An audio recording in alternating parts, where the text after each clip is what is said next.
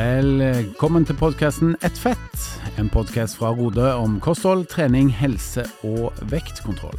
Mitt navn er Henning Holm, og jeg gleder meg til å ta deg med på en reise gjennom livsstilsendringens verden med aktuelle gjester.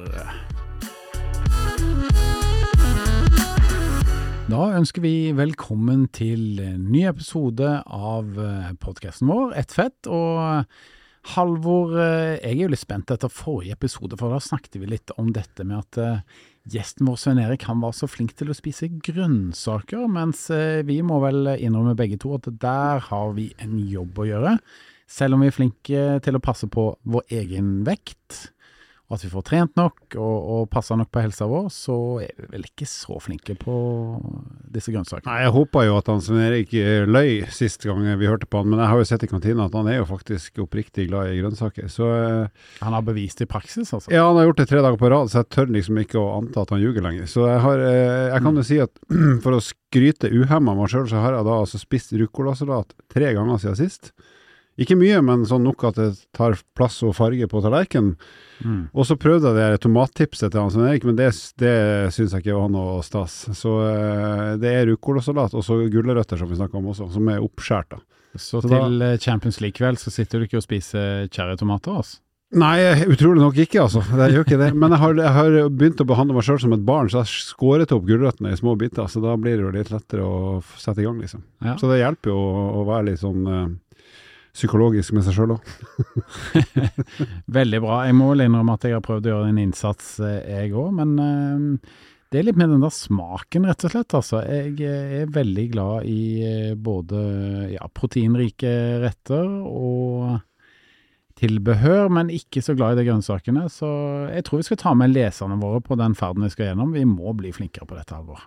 Ja, vi, vi må skjerpe oss. Så eh, vi kan vel eh, Vi skal vel etter hvert komme med en egen sånn e-postadresse og plasser der folk kan legge inn eh, spørsmål og kommentarer og sånn. Og da, etter hvert når vi kommer i gang med det, så må vi gjerne få noen tips for hvordan kan vi få grønnsaksnivået vårt opp på en måte som vi sannsynligvis kommer til å like. Ja, og der minner du meg faktisk på noe, Halvor. Vi har jo da lagd denne Facebook-gruppa for lytterne våre, der de kan komme enkelt i kontakt med oss og komme med både lytterspørsmål og ønsker til temaer som vi skal diskutere.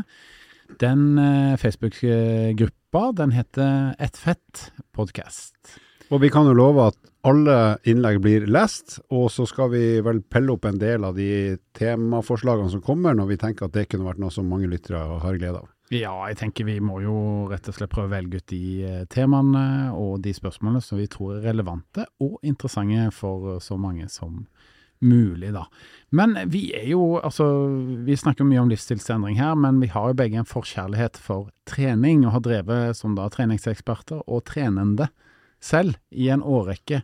Hvordan ser nå din eh, treningsuke ut, eh, unge herr Laustad? Jo, takk. Nå eh, er det jo eh, Det er jo sykkelsesong hele året, siden man kan sitte inne og tråkke og tråkke og tråkke. Så den uka her så har jeg lagt opp til at jeg skal prøve å bevise for meg sjøl at jeg har tatt et lite formmessig steg siden sensommeren. Så jeg har eh, lagt opp til tre ganske tøffe økter, så skal vi se om det duger i forhold til det jeg håper på. Ja, og vi har jo begge en altfor dyr sykkel som står hjemme. Og noen av oss har to, til og med. Ja, eh, og du har en rulle hjemme. Jeg har to forskjellige spinningsykler fra to forskjellige leverandører, så vi kan vel si at vi er ganske ivrige på dette her. Men dette er jo en lavterskelpodkast for de som er interessert i livsstilsendring. Og kan du litt sånn innledningsvis i dag fortelle om noen gode argumenter til hvorfor sykling skal være nettopp den aktiviteten noen kan velge hvis de ønsker å komme i gang igjen med trening, og la oss si at de ikke har trent på en god stund. Det er jo kjempeenkelt, for hvis du kan gå, så kan du sannsynligvis sykle òg, for det har du lært. Og hvis sykkelen til og med står stille innendørs, så er det jo ingen risiko for kollisjon. Så er det en effektiv måte å bevege kroppen på og få trent eh, hardt hvis du vil det. Og hvis du vil ta det rolig, så kan du gjøre det. Og hvis du har muligheten til å være ute, som jo faktisk noen har selv om det er vinter, så er det jo digg å få seg frisk luft og bruke kroppen og musklene til å komme seg litt frem og tilbake. Og Personlig så er jeg veldig glad i å ha en sånn stopp midt i når man er utendørs. Så jeg og du Henning har jo vært på noen turer der det er kaffe og kanskje en liten snickerskis eller noe sånt etter en times sykling, som vi rett og slett kan bruke som et lite sånn høydepunkt på en ellers også ganske fin tur. Da ligger du ofte bak meg og slapper av, da, men eh, Ja, for Det det, å ligge i dragsuget ditt, eh, det er ikke det verste, altså. Og det er ikke fordi det er fine legger. Ikke i det hele tatt. Nei, det er fordi at luftmotstanden da er mindre bak der. For å si det. Men han har ekstremt bred rygg, så tar av for all vind. Eller, Nei, Så eller ikke.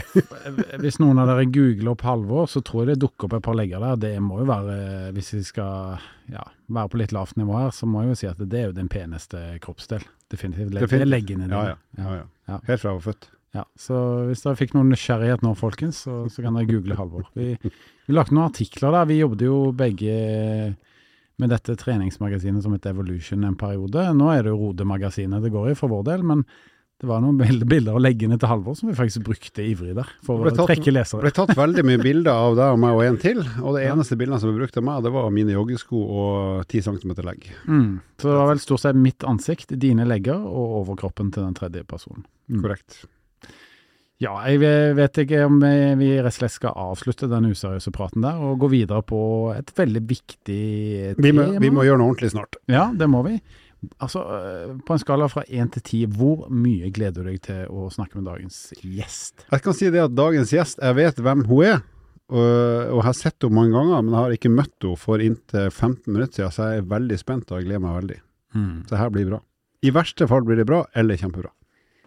Det er to gode alternativer. Eh, og før jeg da introduserer gjesten, så skal jeg gi dere en liten cliffhanger som varer helt frem til den lille pausen vår er ferdig.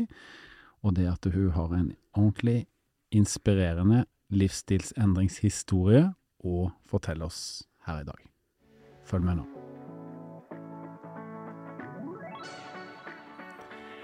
Da vil jeg gjerne ønske dagens gjest velkommen. Ellen Hoel, velkommen til oss eh, i studio her i dag. Tusen hjertelig takk. For en ære å få komme hit til dere tøysekoppene.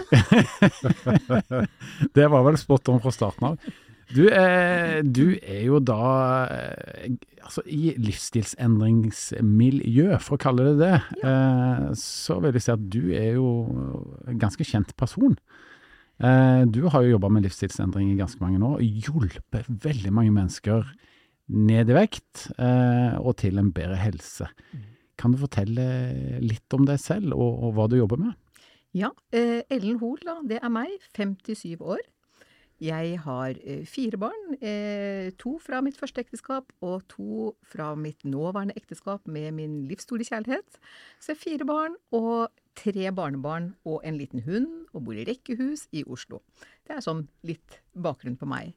Eh, du sier i forhold til at eh, jeg er kjent i forhold til det med livsstilsendring. Ja, jeg jobber eh, fulltid som kursleder i Rode på åttende året. Stortrives der. Og mm, det å jobbe der og kunne bruke min egen erfaring, eh, det syns jeg er helt fantastisk. Og det er den erfaringen jeg skal snakke litt om nå. Min reise med min livsstilsendring, egentlig. Kan jeg bare skyte inn, du sa du har hatt ett ekteskap før, og så har du et nåværende. Har du noe fremtidig også, eller? Du, det er aldri Det er ikke godt å si. Jeg holder alt men foreløpig så er jeg veldig, veldig fornøyd. Se- Send meg en mail da, hvis du ryker på en smell. Tusen takk for det. Jeg skal ta det med meg. Halvor har spist mye grønnsaker i det siste. Det er det, vet du. Og skulle du være sammen med meg, så må du i hvert fall spise grønnsaker. Oi, oi, oi. Det, det kan du trekke litt ned. Da får du sende faks. Det skal jeg eventuelt gjøre. Det skal jeg eventuelt gjøre.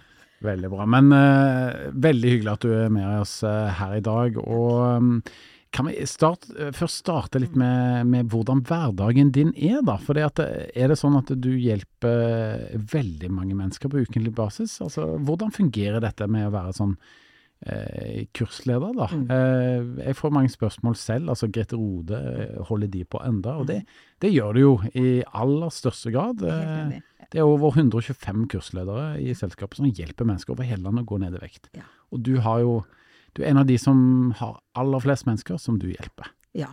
Jeg er vel en av de største kurslederne i, i Norge nå, og, og syns det er veldig gøy å ha dette som fulltidsjobb. Eh, det å kunne som sagt hjelpe disse som ønsker en endring, om det er eh, ren slanking, å gå fort ned eh, noen kilo, eller de som ønsker etter et livsstilsendring. Jeg tror vi skal være såpass ærlige og si at vi har vel eh, begge, eh, begge deler hos oss. Eh, Jeg tror vi skal tørre å si at eh, de som ønsker å gå raskt ned og gå ned noen få kilo, er hjertelig velkommen. Og de som ønsker en større endring, en ren livsstilsendring, de er også selvfølgelig hjertelig velkommen. Jeg tror vi skal, skal ikke bare gå ut som en sånn livsstilsendrings...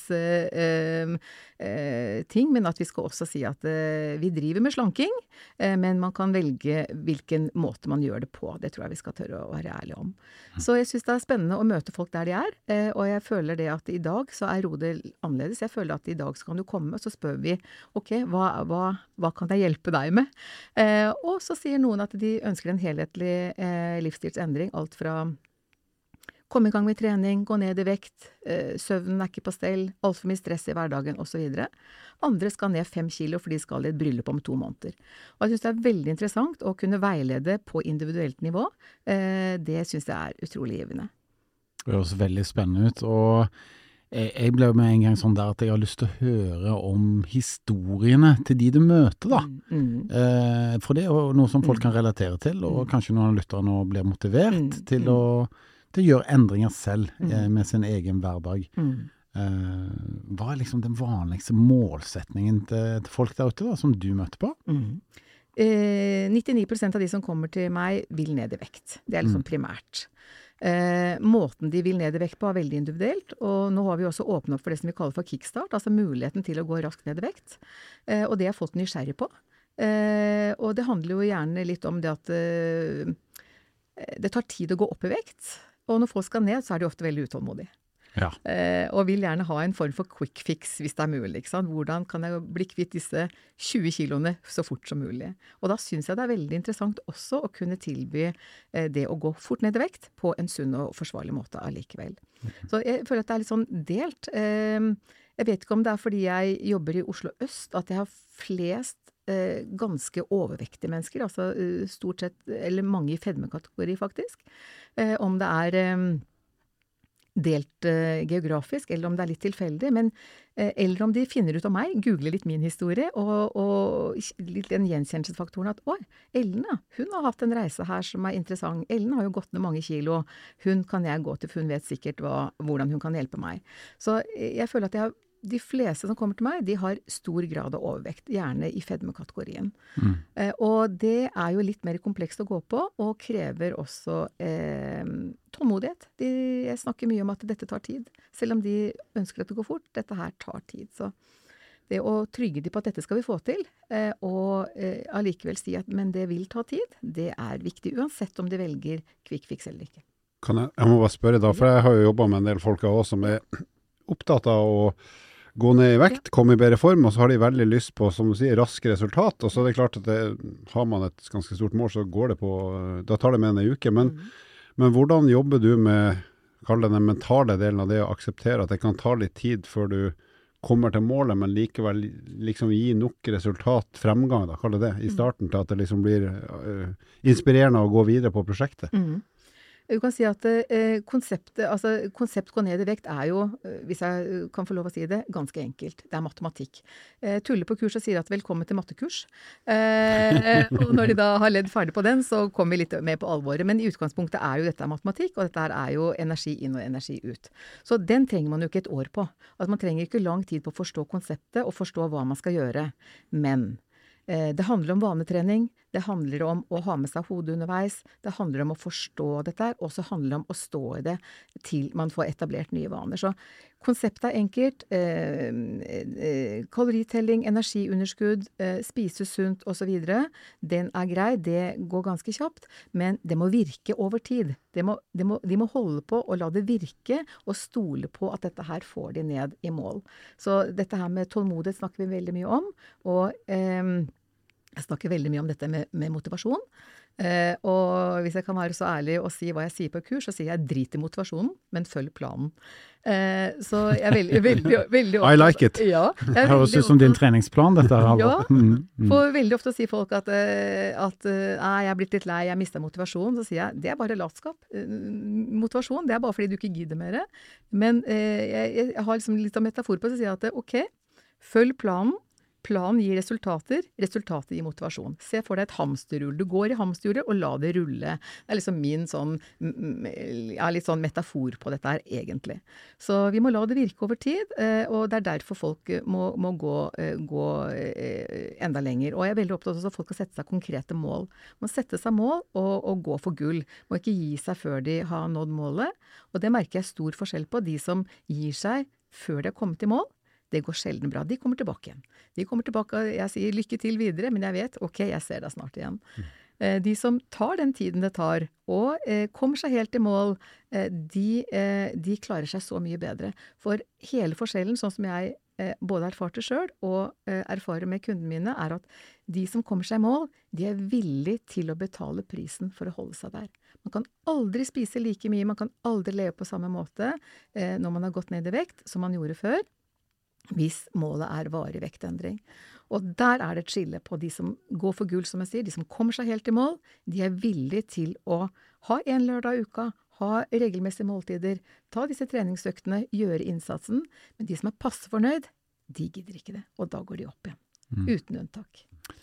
Ja, der var det mange gode tips. Eh, Halvor, du har jo hjulpet mennesker ned i vekt i en årrekke. Eh, hva, hva tenker du om de gode rådene som, eh, som Ellen kom med? Nei, jeg, jeg blir jo veldig eh, motivert sjøl av det, for jeg er jo også sånn, jeg er jo sånn gjennomførertype, så jeg har jo ofte en tendens til å ta for lite hensyn til andre folks følelser. For det, som er mitt problem i, i møte med andre folk, da, men, men samtidig så er det jo med det her, sånne prosjekt som en del andre prosjekter, at du må faktisk gjøre det som kreves for å komme til det målet du vil. Og så tenker jeg at uh, vår jobb er å gjøre det så ålreit som mulig, og så smart som mulig, basert på det enkeltmenneskets behov og historikk. Og der er jo liksom den derre feinschmecker-gefühlen, at du skal på en måte skjønne hva, hvilket menneske har jeg foran meg, hva, hva slags knapper skal jeg trykke på her for at det går best mulig for akkurat deg og deg og deg, og ikke kjøre samme drillen på alle sammen, selv om prinsippene jo er helt like. Men det er sånn ulike måter å tilnærme seg folk på. Så der må jeg innrømme at der har nok jeg hatt mye å gå på. Så jeg prøver jo å bli bedre på det, og rett og slett ta mer hensyn til individene enn det jeg kanskje har hatt en tendens til før. da. Mm. Feinschmecker-gefühl. Det, Ja, det er kjempetysk. Jeg noterte meg den. Den er skrevet ned her. Den skal tas opp igjen. Ja. Men eh, du, du er jo inne på noe viktig der, Halvor. Jeg har jo selv som personlig trener gjennom mange år hjulpet Og personlig kristen. Definitivt. Hjulpet mange mennesker som eh, vil ned i vekt, eh, gjennom bruk av både trening og kosthold, selvfølgelig. Men der hvor meg og deg har all eh, den praktiske kunnskapen og den teoretiske kunnskapen til å hjelpe mennesker, der har vi gjerne ikke den eh, personlige erfaringen som Ellen har, eh, som definitivt gir deg en fordel i møte med å hjelpe andre mennesker. Men for lytterne her, kan du ta oss med på en liten reise. Hvordan har din eh, Ja, det, hvordan har det vært for deg, eh, dette med kosthold og vekt? Eh, livsstilsendring, livsstilsjustering, som Svein Erik eh, sa det så fint her eh, for et par episoder siden. Hvordan har din reise vært? Det vil jeg gjerne fortelle noe om. eh, Og jeg har tidligere blitt definert som en sånn 'fortell om suksesshistorien din', Ellen. Jeg liker ikke å kalle det en suksesshistorie, for jeg syns i utgangspunktet det at man Sånn som jeg skal fortelle om nå, har gått opp og ned og opp og ned i vekt i mange år. Det er ingen suksess, det er egentlig bare ganske trist. Så jeg tenker at det, min reise her er ingen solskinnshistorie, men det er min historie. Eh, Jeg syns det er veldig hyggelig å bli invitert hit i dag og fortelle en historie som jeg tenker er ganske eh, gjenkjennbar. Ikke unik i det hele tatt, men dessverre ganske vanlig, vil jeg tro. Jeg tror at eh, gjenkjennelsen her kan være ganske stor hos veldig mange. Eh, min historie starter egentlig med at jeg er overvektig som barn. Eh, lubben gjennom hele barndommen min, og opplever igjen ganske stor overvekt fra 15 års alder omtrent. Eh, da ble jeg faktisk, tro det eller ei, tauet inn på mitt aller første rodekurs, Grete rodekurs, sammen med min mor. Sier du det? Ja, som Ja. 15-åring. Eh, I beste mening, men antagelig ikke det lureste for eh, mitt vedkommende, og kanskje ikke for andre 15-åringer heller, nødvendigvis. Eh, det var rett og slett debuten og starten på min jojo-slanking, som da varte i 33 år. Eh, rodekurs gikk ned, eh, gikk opp igjen eh, når eh, kurset var ferdig. Eh, det er vel ikke den kur jeg ikke har vært igjennom eh, i mitt liv, bortsett fra hvitvinskur. Jeg er ikke så veldig glad i alkohol. Men bortsett fra det så har jeg vel vært gjennom de fleste kurer. Eh, det funker der og da. Eh, og så går jo selvfølgelig vekten opp igjen når man vender tilbake til eh, det man gjorde før. At jeg har gått opp og ned 400 kilo totalt gjennom livet mitt, er helt sikkert. Opp og ned, opp og ned 20-30 kilo, sånn har jeg holdt på. 400 kilo? Det er jeg helt sikker på. Opp og ned, opp og ned. Fra 15, altså fra 15 til 48 år på evige slankeren. det Opp og ned. er mange kilo opp og ned. Det er helt sikkert. Mm. Så mm, Og det er jo bare trist, rett og slett. Så eh, 33 år som jordeslanker er, er det jeg holdt på med. Eh, Jeg vil påstå at jeg rett og slett slanka meg feit, hvis det går an å si det. Eh, Alle slankekurene gjorde egentlig bare at vekta gikk opp og opp egentlig for hver gang. Så, så det Altså, hvordan var den prosessen? ikke sant? Du Mm. bestemte deg, ok, nå, Ja. nå tar jeg tak, og Ja. så setter jeg i gang. Ja. Og var du tøff mot deg selv da, og liksom gjorde det veldig hardt? Ja, ja. Det er, slankeren er jo nei Ja. og fy og Ja, bort med det. Og så Mm. gleder jeg meg skikkelig til det var ferdig, for da kunne jeg endelig eh, spise du bamsemums og diverse ting tilbake igjen. Så det er rett og slett en kur. Start, stopp. Eh, holde ut. Eh, forsake og holde på. Og gleda meg veldig til det var ferdig, for da var jeg endelig ferdig. Så jeg, jeg skjønte aldri den, hvordan jeg skulle knekke koden på å bli, få dette til å vare. Det var rett og slett kur hver eneste gang. Slankekur. mm. Mm. Og da gikk det kort tid, og så gikk du opp igjen. Så gikk jeg opp igjen. Alle de ting du savna, de ble da konsumert i større Absolutt. stil. Ja. Du klarer å kutte ut alt i åtte-ti uker, eh, hvis du vet at det, da får du lov til å gå tilbake til det du skal. Så det gjorde jeg gang på gang, og det, som sagt, jeg gikk opp og ned, opp og ned eh, i eh, 33 år, rett og slett. Men så er det en klok mann som en gang sa at eh, hvis du gjør det samme om igjen og om igjen, og forventer et annet resultat, eh, så er det eh, definisjonen på galskap. Mm. Så kanskje jeg var litt smågal. Eh, det er godt mulig. Eh, så det jeg ikke hadde forsøkt, eh, det var slankeoperasjon. Eh, hadde høy BMI, veide 115 kilo, hadde BMI på 42-43. Eh, gikk til fastlegen. Eh, for å være helt ærlig hadde jeg kanskje håpet at fastlegen ville ha tatt det opp med meg tidligere. Jeg gjorde det aldri. Eh, eh, jeg tok det opp eh, og sa til fastlegen at du, eh, nå har jeg slanka meg hele livet mitt, jeg orker ikke mer. Hva tror du om slankeoperasjon? Og så ser han på meg og sier Ellen, det tror jeg kan være noe for deg. Sendte inn papirer og fikk tilbake at det krediterte jeg absolutt for.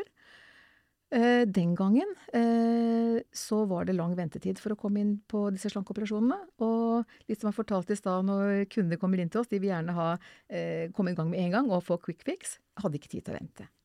Tok kontakt med en privat aktør på markedet. Der var det ingen ventetid. Der, de lurte bare på om jeg hadde penger på konto, og, og når det kunne passet for meg. Var til konsultasjon med lege der. Han sa til meg at Ellen, jeg kan bare si deg en ting. Dette her klarer du aldri uten slankeoperasjon. Så dette her er tingen for deg. Gikk hjem, leste, googlet eh, bivirkninger osv. Eh, ble kjempestressa, kjemperedd. Jeg var frisk, men jeg var tjukk. Feilte meg ingenting. Holdt på å si dessverre, for da hadde jeg kanskje blitt stoppet før. Frisk som en fisk, men veldig, veldig overvektig. Turte rett og slett ikke å gjennomføre Hva, hva var det som skremte deg mest, da? bivirkningene. Alt fra at man ikke tåler narkosen, til eh, tarmslyng, eh, altså masse skumle, eh, alvorlige bivirkninger. Altså, det virker som om nesten alle får bivirkninger i en eller annen grad. Og jeg ble livredd. Jeg tenkte at eh, dette her er drastisk å gjøre hvis det ikke er noe livstruende. Jeg var rett og slett, hadde jeg vært syk, så hadde jeg sikkert vurdert på en annen måte. Men jeg turte rett og slett ikke. Jeg feiga ut. Mm.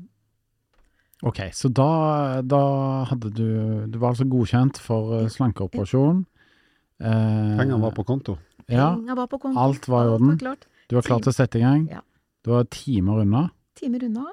Og de skal si, de ringte og maste, eh, og jeg sa jeg trenger litt tid og betenkningstid på dette her. Okay. Så jeg hadde familieråd med mannen min, og bare 'Ellen, dette her er går jeg, jeg er ikke tommelen opp for dette her. Støtter deg ikke på dette her i det hele tatt. Dette her er for skummelt. For risikabelt. ok. Og så velger du da ikke gå for det. Så velger jeg ikke gå for det. Og da står jeg der, da. Hva skjer? Føler at jeg har feiga ut, og er like tjukk. Hva gjør jeg nå? Ikke sant. Hva skjer nå? Da var det å surre tilbake igjen. Hva har funka? Hva er det som egentlig har funka opp igjennom? Og det har vært rodekurs. Da bestemte jeg for Ellen, siste gang nå, før du eventuelt konkluderer med at det, sånn ble det, du får forbli overvektig resten av livet, en siste forsøk på rodekurs. Var kjempeheldig, kom bort til en fantastisk kursleder, gikk én til én, tett oppfølging hele tiden, eh, og eh, vi hadde masse flotte samtaler og masse eh, nyttig læring for meg der. Første hun sa til meg, er at jeg må slutte å slanke meg. Slutt å slanke deg, og vi begynner med livsstilsendring, rett og slett. Jeg måtte lære meg å spise på nytt. Jeg hadde spist søtsaker, kaker, feil mat i veldig, veldig, veldig mange år. Og måtte rett og slett lære meg å spise regelmessig, sunn mat, nok mat, og ha én lørdag i uka. Og så måtte jeg slå opp med Freia, og det er kanskje den største kjærlighetssorgen jeg har hatt i mitt liv, å måtte slå opp med Freia. Helt, eller? I hvert fall da. Eh, Hun sa til meg, sørlandsk skjønn eh, kursleder, sa det. Ellen, jeg spiser, spiser Jeg skal ikke prøve meg på sørlandsk. Ellen, jeg spiser sjokolade hver dag, men en liten bit hver dag. Så jeg gikk over til en mørk sjokolade som jeg syntes smakte helt dritt, for å være helt ærlig.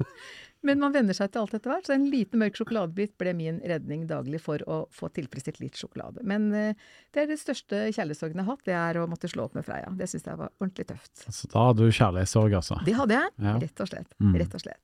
Ikke mer sjokolade til deg, Ellen. Ikke mer sjokolade til meg.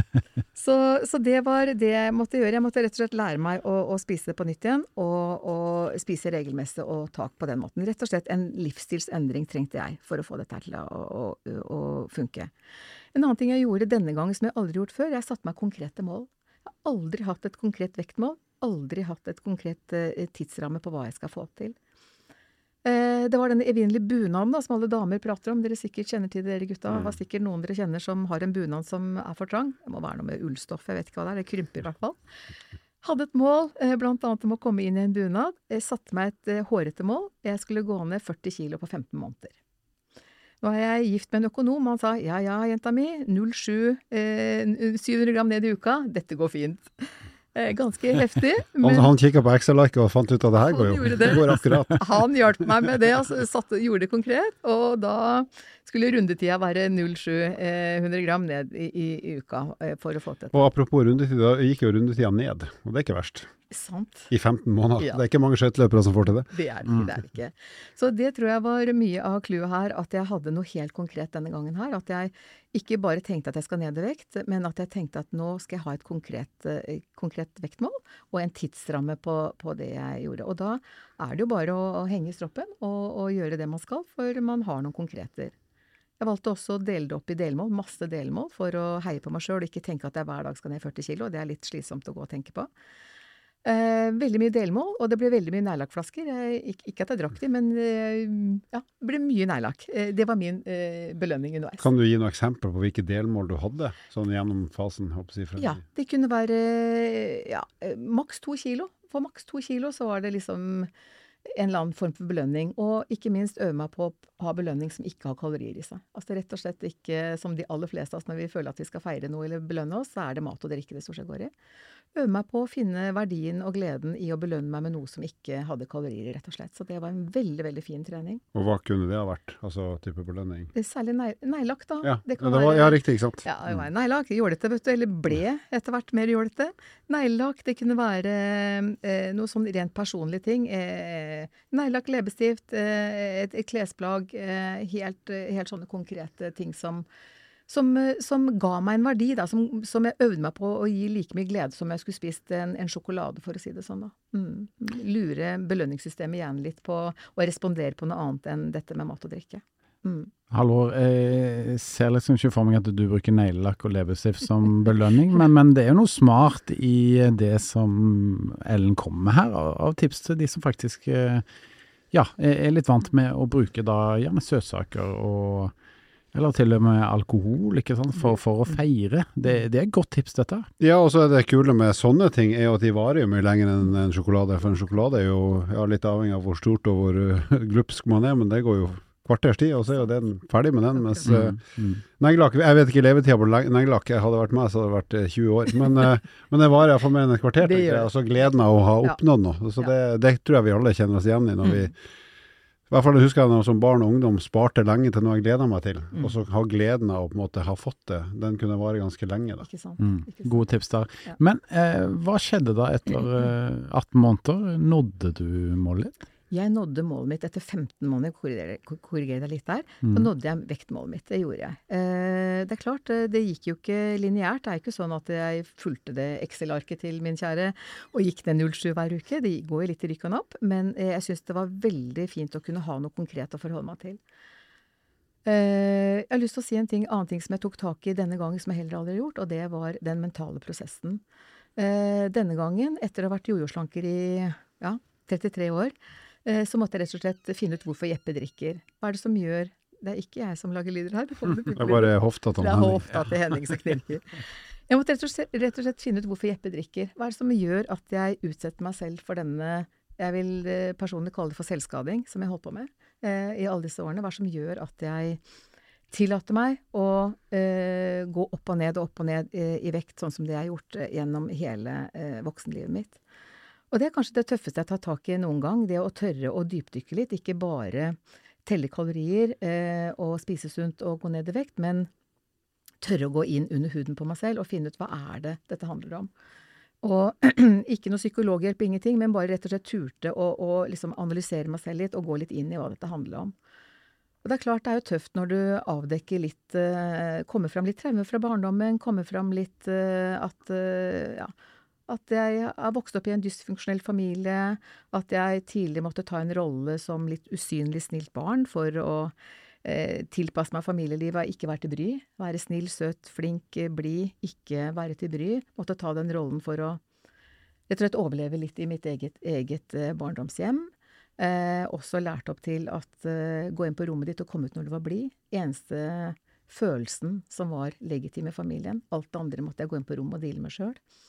Dette er litt emosjonelt eh, for meg. Eh, alltid når jeg prater om det, det håper jeg er ok også i denne settingen her.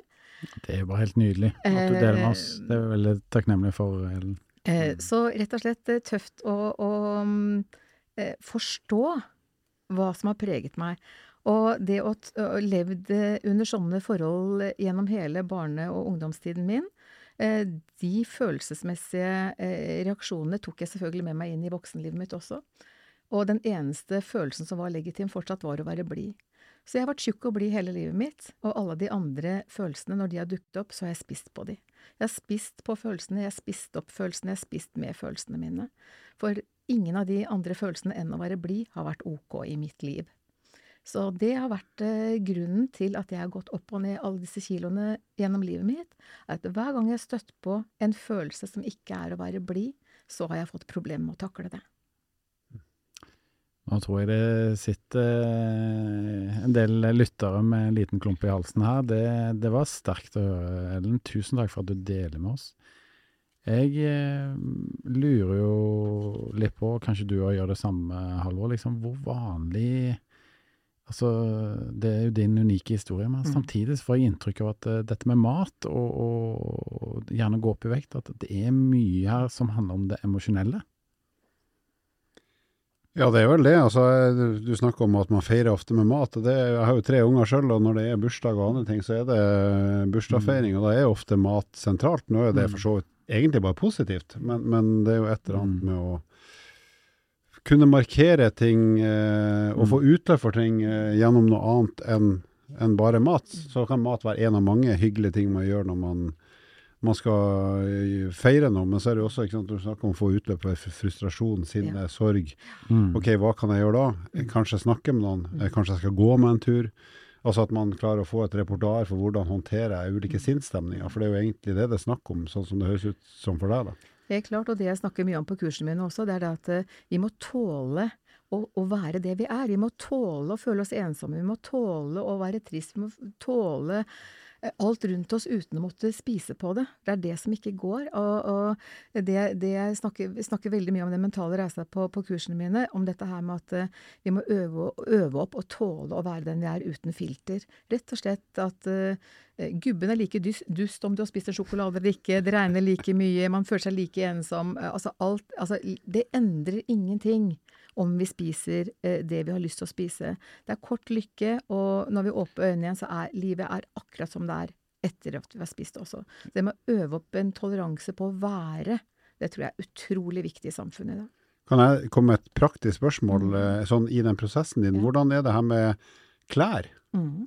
For det, du kan ikke ha de samme klærne gjennom 40 kilo på 15 måneder, vil jeg tro. Eh, nei, egentlig ikke. Men det som er også en utfordring i dag, er at det er altfor mye stretch i alle klær. Ja, riktig. Så de er fleksible? De er dessverre altfor fleksible. Så det er, det er, en utfordring, rett og slett. At det, man kan tøye klær i ganske mange kilo opp og ned. Dessverre, vil jeg si da. Eh, men det er klart at eh, når jeg var på mitt største, og, det var jo en polstring for å bli litt anonym og få være i fred eh, Det er en beskyttelse mot verden. Og da gikk jeg i svarte klær, store klær, ikke brukte sminke. Jeg, jeg, jeg gjemte meg litt bak, eh, bak måten jeg var på. Så jeg må jo si det at når jeg har gått ned disse kiloene og kan gå i såkalt normalbutikker, gå i, i butikker, kjøpe de klærne jeg har lyst på, ikke bare fordi det passer, kunne gå med farger, kjenne liksom at oi, dette her har jeg lyst til å, å ha på meg, og føle meg fin i det, det er en fantastisk opplevelse. Kult. Det er utrolig inspirerende å, å høre på det. Så jeg må jo spørre, nå har du fortalt litt om hva du har gjort fram til ja, for inntil var det ni år siden. Mm. Ja. Men hvordan, hvordan ser livet ditt ut nå? En, hvordan ser en tirsdag ut i ditt liv nå? Eh, Tenker du matmessig? Ja, mat og beve altså bevegelse, aktivitet. Dess, dessverre må jeg skuffe dere gutta, jeg trener jo ikke, og det har jeg ikke gjort hele veien heller. Eh, jeg er ikke noe glad i å trene, har aldri trent, og har ikke noe preferanse på det i det hele tatt. Jeg liker ikke å bli svett engang. Så det er ikke noe jeg forholder meg til. Men jeg skryter veldig at jeg går i trapper og har hverdagsaktiviteten da. Ja, men det er jo det viktigste, for det er skjer hver-. Det skjer hver dag. Ja. Eh, I og med at jeg velger å ikke være i aktivitet, så er jo prisen jeg må betale at jeg må spise mindre mat enn jeg kunne ha gjort hvis jeg hadde spist mat. Jeg kunne nok ha spist en 200-300 kalorier mer daglig hvis jeg hadde giddet å røre på meg, men det gidder jeg ikke. Så, så rett og slett, jeg er Det er så bra at du er rett på sak og ja, ja, det er jeg ærlig på. Og nå har jeg på meg høyhæla-sko. Jeg pleier å si på kurs det jeg ikke kan gjøre i sånne høyhæla-sko, det er ikke verdt å gjøre, sier jeg. Så jeg er litt tøff i trynet der. Men Du vet det finnes sånn løp med høye hæler og sånn? helt sikkert, du får finne det til meg, skal vi ta en, Jeg skal sende ta en en e-post. treningstime i forhold til det. Nei, men, men prisen er jo å betale at jeg må spise mindre mengde mat. Når jeg velger å ikke være i aktivitet, men det gjør jeg. Så jeg har faktisk eh, ganske strengt matregime hver eneste dag. Eh, veldig strukturert. Eh, faste måltider. Eh, veldig kjedelig og repetitiv eh, måte å spise på hele uka. Og så har jeg den ene lørdag i uka. Øver meg på å ha én lørdag i uka. Eh, prøver å leve som jeg lærer på kursene mine. Og det syns jeg funker veldig, veldig bra. Så veldig, veldig streng i hverdagen. Eh, veier meg regelmessig eh, og har en maksvekt som jeg forholder meg til. Eh, litt slingring, to, maks tre kilo, opp og ned, det er liksom mine tall. Så da, da må jeg ha strengt regime for å holde denne matchvekta mi, rett og slett. Hvilke måltider er det da som er liksom fast uansett dag?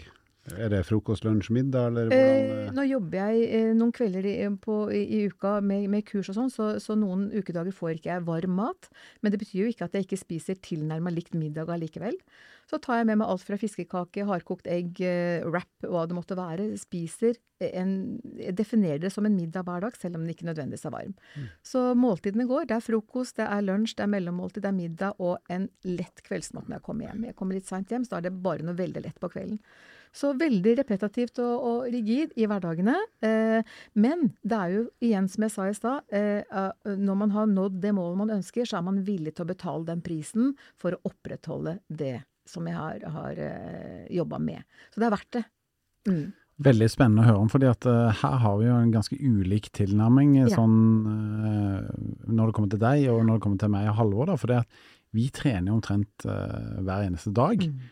Og derfor slipper vi jo da unna med litt flere lørdager, da. Det er helt riktig. Og litt mer Mm. kos enn deg, og, og ta det aktive valget. Og det viser jo liksom at her er det mulighet for å ha flere metoder, da. Ja. For enten holde på vekten, eh, ja, eller rett og slett holde, holde på den livsstilen. eh. Og så er det han Sven Erik, som vi også har snakka om i en Mm. tidligere påske, som har en blanding. Han bruker jo bevegelse, hverdagsaktivitet, og så har han også et kosthold som er Ja. Ganske romslig, men likevel han har god styr på. Så han har liksom en miks av Ja. mye her. Mm. Og i, liksom, hvis du skal ta, eh, kunne være aktiv i hverdagen, som du er Mm. flink til, kontra det hvilken treningsform skal man velge for å forbrenne mest mulig, da, så velger jo jeg Du sykler en del halvår. Det er jo noe kan, man kan holde på med over ganske lang tid hvis man er i form, og forbrenne mye fordi det er lang tid. Jeg velger ofte en type aktivitet som da er løping, Mm. som er kroppsbærende som aktivitet, som gjør at jeg forbrenner ganske mange kalorier per minutt. Det er en veldig effektiv eh, form for eh, aktivitet, så jeg kan fort forbrenne et eller annet sted mellom 800 og 1100 kalorier på en time.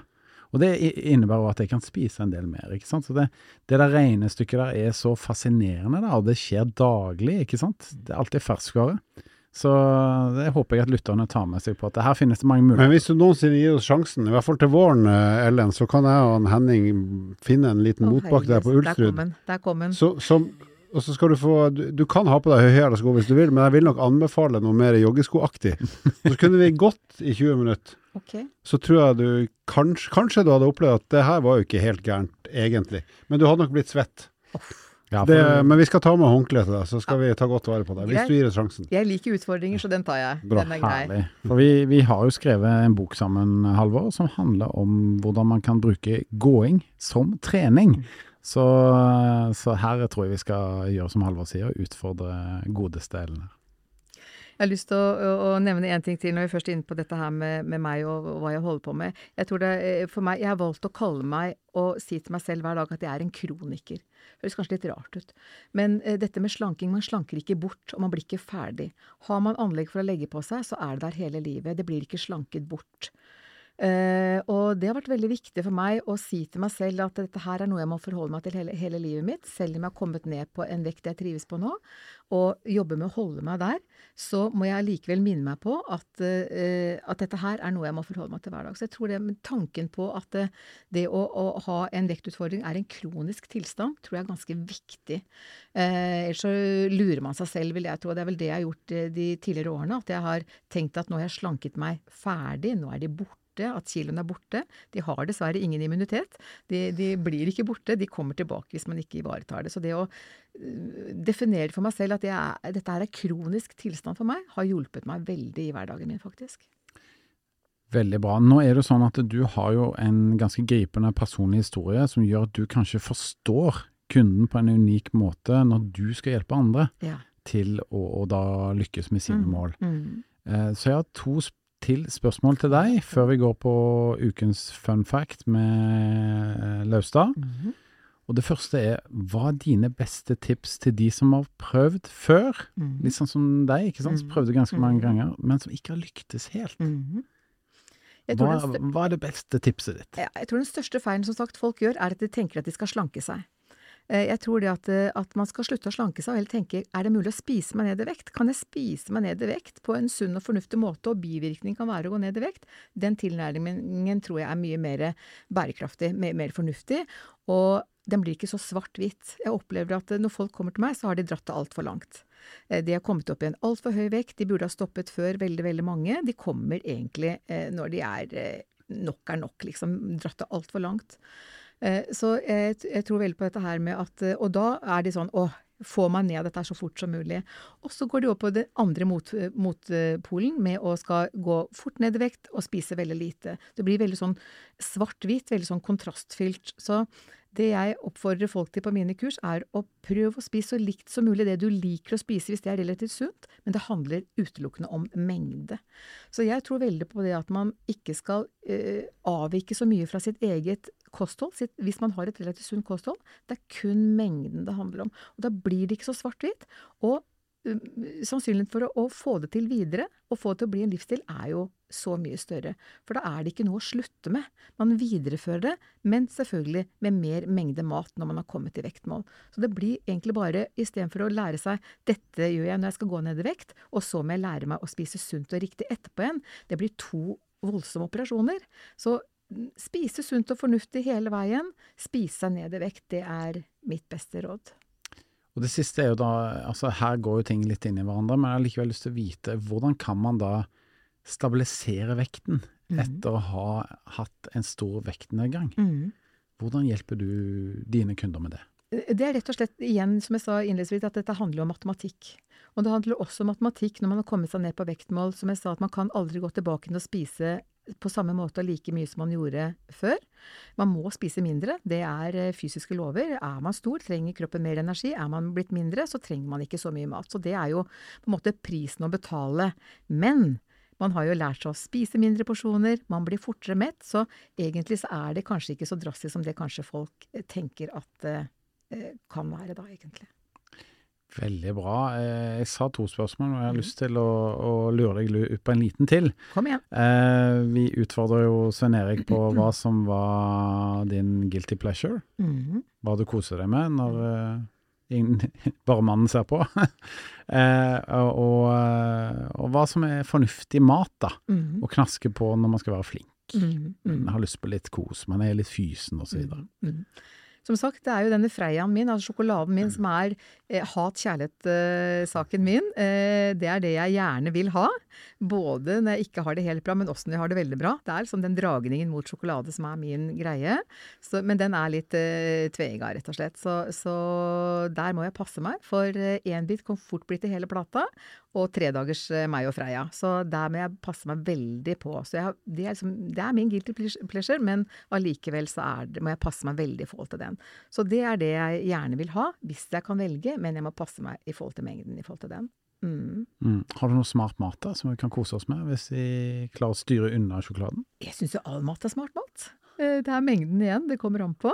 Så jeg har ingen sånn 'dette er smartere enn noe annet'. Jeg tror veldig på det at uh, man må øve seg opp på mengdekontroll. Det er mm. det det går på hele veien. Jeg tror ikke noe på å kutte ut for alltid ting.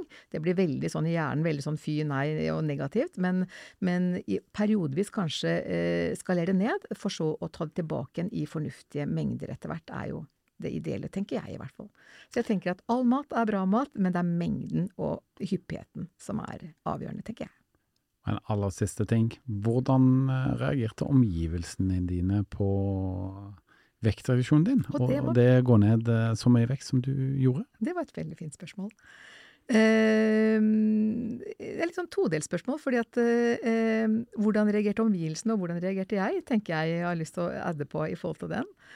Eh, fra som sagt å ha brukt vekt som et sånt skjule meg, gjemme meg, rømme litt fra verden, gjøre meg usynlig. Jeg følte at jo større jeg ble, jo mindre synlig ble jeg, rett og slett den transformasjonen når du går tilbake, når du går ned i vekt eh, Man får en eksponering man ikke nødvendigvis ber om, eh, men som er, eh, kommer fordi det er veldig synlig når man går ned veldig mange kilo. Så det å Ene siden av det er veldig positiv.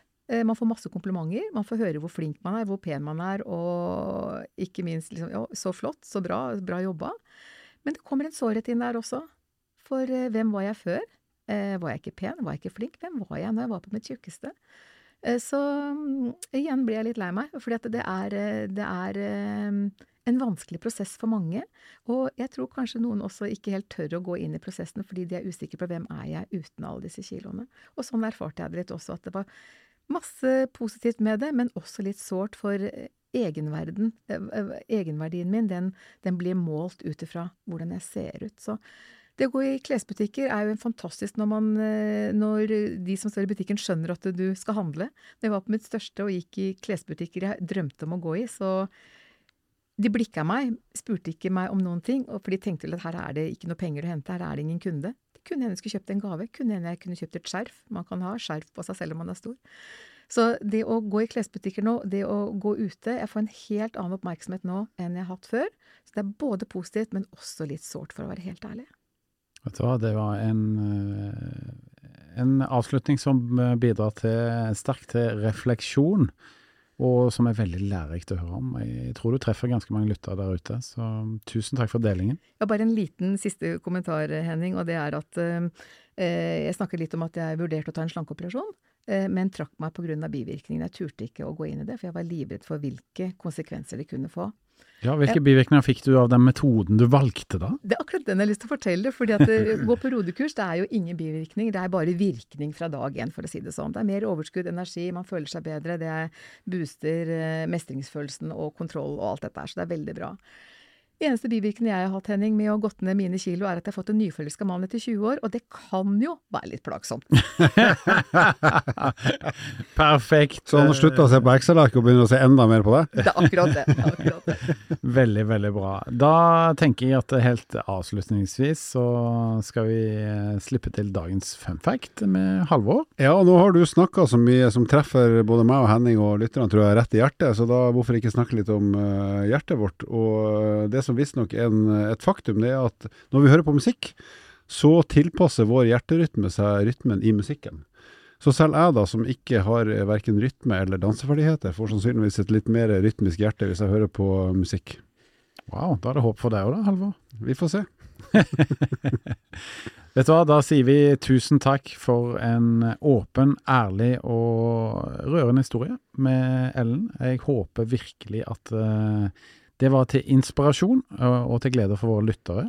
Så da overlater jeg siste ord til eh, Halvor før vi sier takk for i dag.